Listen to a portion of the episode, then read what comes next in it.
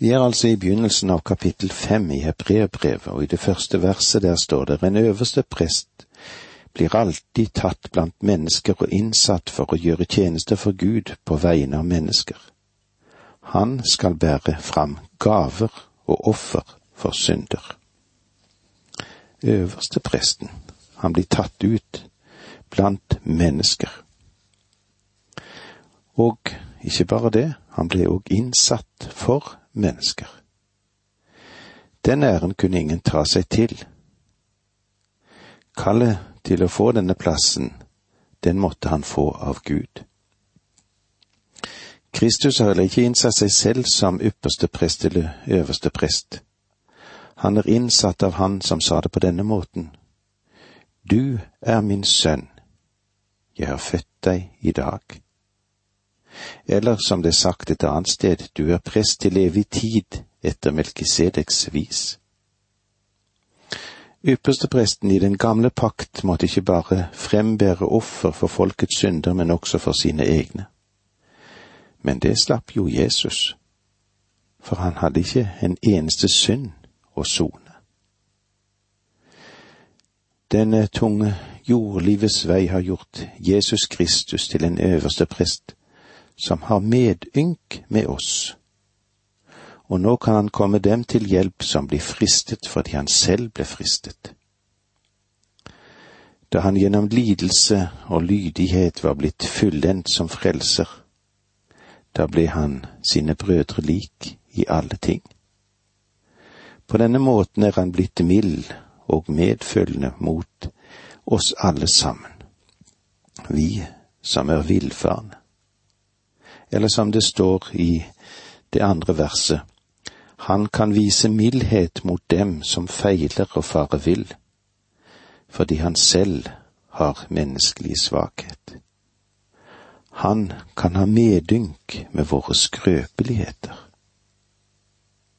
Vi må prøve å få det klart for oss hva Jesus betyr.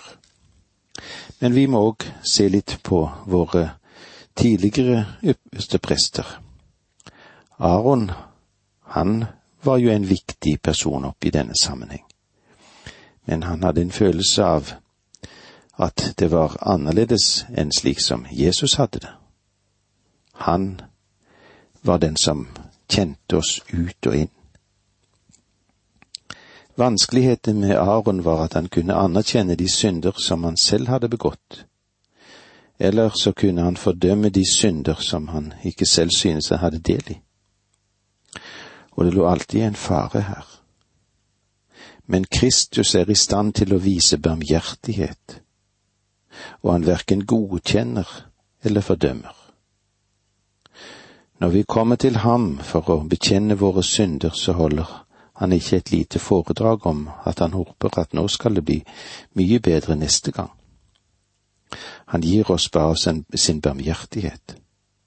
Er det slik som det står i det første brevet til Johannes i kapittel 1 vers 9. Om vi, kjenner, om vi bekjenner våre synder, så er han trofast og rettferdig. Hvordan? Som øverste prest. Så han forlater oss syndene og renser oss fra all urett. Det er vidunderlig å ha en slik ypperste prest, han som tenker på oss, og han som vil hjelpe oss. Nå møter vi en kontrast her mellom Aron og Kristus, fordi det er ikke noe motstykke til den fordringen på det aronittiske prestedømmet i vår Herre Jesus Kristus. La oss se i vers tre. Og derfor må vi bære frem syndoffer for seg selv, ikke bare for folket. Du husker kanskje at på den store forsoningsdagen så skulle Aron først bære frem et offer og ta blod inn i det aller helligste for sin egen synd. Han måtte først ordne dette med sin egen synd før han kunne representere folket. Det er ikke noe motstykke til det i Kristus. Kristus måtte ikke bære frem et offer for seg selv. Han bar frem et offer for deg og for meg vers fire. Ingen tiltar seg denne verdighet selv, men bare han blir kalt av Gud, slik som Aron. Som vi så tidligere, så var Kristus prest fordi han ble akseptert av Gud. Vers fem. Således har heller ikke Kristus tiltatt seg den ære å være øverste prest.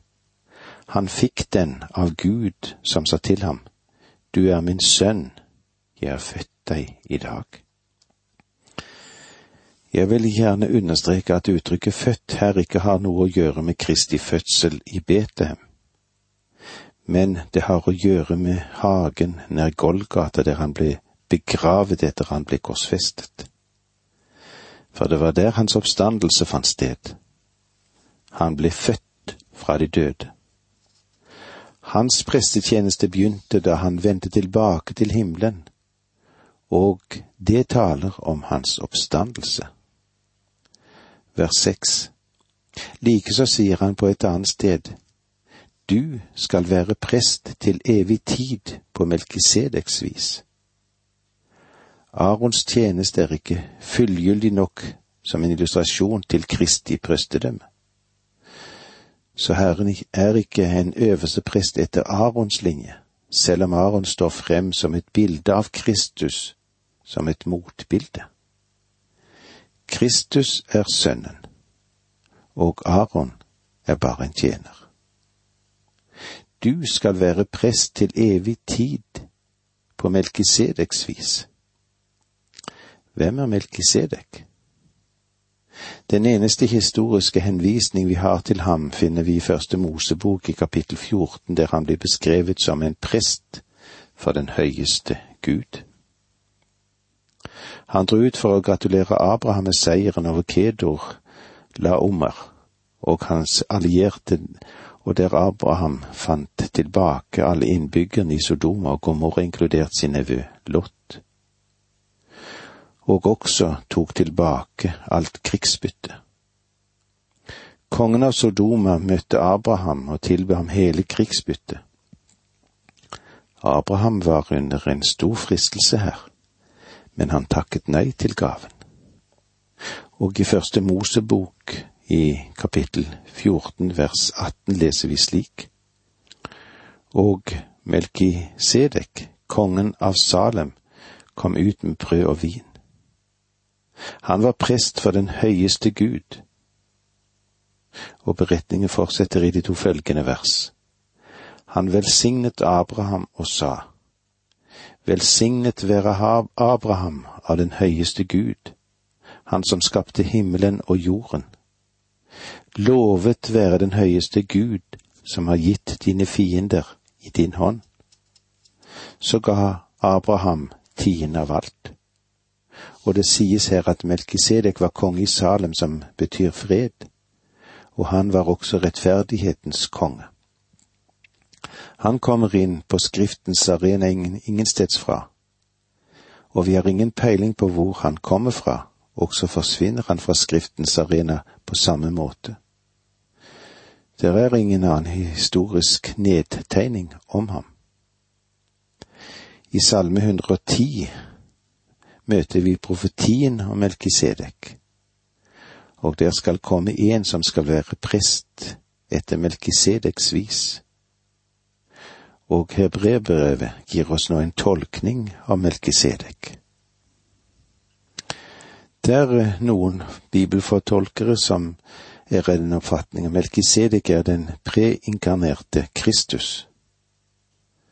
Det er vanskelig å akseptere den tolkning fordi Melkisedek han er et bilde på eller en type som illustrerer den Herre Jesus Kristus. Åpenbart er det slik at bildet ikke kan være det virkelige ellers ville du ikke hatt et bilde. Derfor tolker jeg Melkisedek som et menneske som virkelig var konge i Salem. Men jeg tror at Melkisedek var en typologisk skikkelse gitt oss av Moses og voktet av Gud. Han kommer fra ingensteds og går tilbake til det samme stedet, altså til ingensteds. Han har ingen begynnelse og ingen slutt. Den Herre Jesus er begynnelsen og enden. Han er alfa og omega. Han begynte alt, og han skal avslutte alt. Han er Amen. Han er den som er evig Gud, og som sådan har ingen begynnelse og ingen ende. Forfatteren han sier til oss at vi har en slik en prest. Han følger Melkisedeks linje. Det vil vi komme inn på litt nærmere når vi kommer til kapittel sju. Og det var så langt vi kom i dag. Takk for nå, må Gud være med deg. Dette undervisningsprogrammet består av to deler. Åge Nevland fortsetter nå med andre del av dagens undervisning. Vi er i Hebreerbrevet i det femte kapittelet, og vi ser hvordan det er med den Herre Jesus Kristus som har så stor omsorg for oss. Han tenker på oss. Men han var òg i store vanskeligheter. La oss lese vers syv i kapittel fem. Den gang Jesus levde på jorden, ba og bønnfalt han med høye rop og tårer ham som kunne berge ham fra døden. Og han ble bønnhørt fordi han var, var gudfryktig. At Jesus ba for seg selv i Getsemane, det viser oss til fylle at vår frelser, han var et sant menneske. Her står ikke at Jesu ba om å bli frelst fra selve døden. Han ba til ham som kunne frelse ham fra døden. Uttrykket her fremhever at hans himmelske far hadde og har større makt enn døden. Rett før i Getsemane-kampen så hadde Jesus snakket rolig sammen med sine på den øvre sal i nadverdssalen. Der snakket han om sin død. Vi må forstå at denne Jesu bønn, slik som han ba til ham som kunne frelse ham fra dødens makt, var. Det er ikke tvil om at Jesus gikk i døden for oss. Jesus måtte smake døden. Han kjempet jo i Getsemanehagen. Om det er mulig, så la denne kalk gå meg forbi. Denne mørkets makt som førte Guds sønn til spott og til tårnekrone. Han ble hudstryket, han led korsets død. Allikevel, hvordan var det med dødens overmakt? Og Jesus, mens han var og er vår øverste prest, han brakte med seg et frivillig offer. Han var under Guds vredes dom, og Jesus kjente seg forlatt av sin far. Han var jo i bønnens forbindelse med sin far. Derfor visste han også om korset, og han visste om at han skulle ta røveren med seg til paradis. Jesus visste også at hans siste ord på korset var en bønn til Gud. Far, i dine hender overgir jeg min ånd. I Getsemane ble Jesu bønn hørt slik at en engel fra himmelen åpenbarte seg for ham og styrket ham. Og denne styrke, den fulgte ham inn i døden. Men Jesus led døden i kjødet. Han ble levendegjort i ånden, som det står i Peters sine brev. Bibelen forteller oss at Jesus gråt tre ganger. Personlig kan jeg vel tenke meg at det var flere anledninger, men eh, det er disse tre gangene det blir fortalt oss i Bibelen. Den ene gangen var vi Lasarus sin grav. Den gangen var det slik at selv om han visste at han ville vekke Lasarus til live igjen, så hadde han en stor ømhet for de to søstrene som sto der, de var jo i dyp sorg. Og kanskje også for fariseerne som var blinde for den virkelighet som Jesus representerte. Men fordi han gråt for, overfor disse søstrene, så vet jeg også hvordan han føler det når du og jeg, når vi står ved en grav til en av våre kjære og gråter, så kjenner Jesus til oss. En annen gang gråt Jesus over Jerusalem. Og siden har han grått over Jerusalem mang en gang, og jeg er sikker på at han gråter mange ganger over de byene hvor vi lever, du og jeg. Han gir mange anledninger til gråt. Og den tredje gangen han gråt, var i Getsemane. Hvorfor gråt han der? En kynisk person sa at han ønsket han hadde vært der så han kunne tatt livet av Jesus på en annen måte enn gjennom korsfestelse. Gjennom denne kommentaren synes det klart at han hadde oppfattet noe som en del troende ikke hadde fått skikkelig tak på. Han ville prøvd å holde Jesu unna korset. Det var jo nøyaktig det djevelen hadde ønsket å gjøre. Jeg tror at Satan ønsket å ta livet av den Herre Jesus Kristus i Getsemane. Når han ba denne bønnen som vi nevnte for litt siden, da denne kalk kom meg forbi, så var kalken døden. Jesus ønsket ikke å dø i Getsemane. Han ble bønnhørt fordi han var gudfryktig. Om det er slik at den Herre Jesus ba i hagen for at kalken døden skulle gå forbi ham fordi han ikke ville dø på et kors. Da ble han ikke bønnhørt, for han døde faktisk på korset. Han ble hørt. Han døde ikke i Getsemane.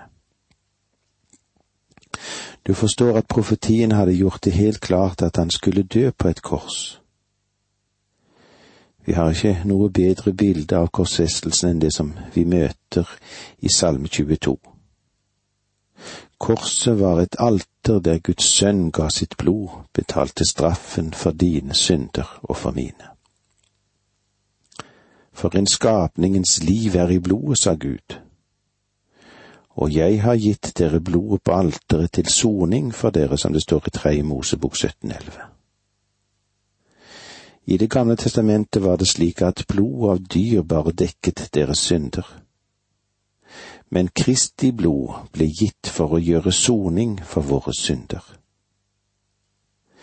Kristus ga sitt blod på korset, som var et alter.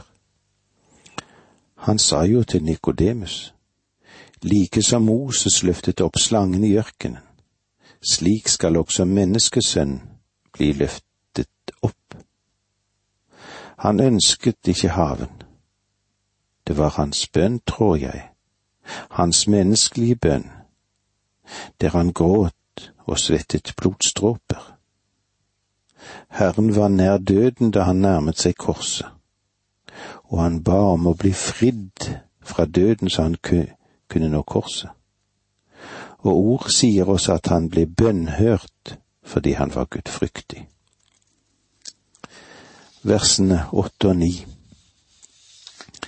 Enda han var sønn, lærte han lydighet av det han led. Da han hadde nådd fullendelsen, ble han opphavet til evig frelse for alle dem som adlyder ham. Da han hadde nådd fullendelsen. Det betyr at det hele var komplett gjort fullstendig. Evig frelse den eneste frelse han tilbyr, er evig. Om du kan miste den i morgen, så er den ikke evig. Han gir oss løfter for det liv som er nå, og for det som kommer.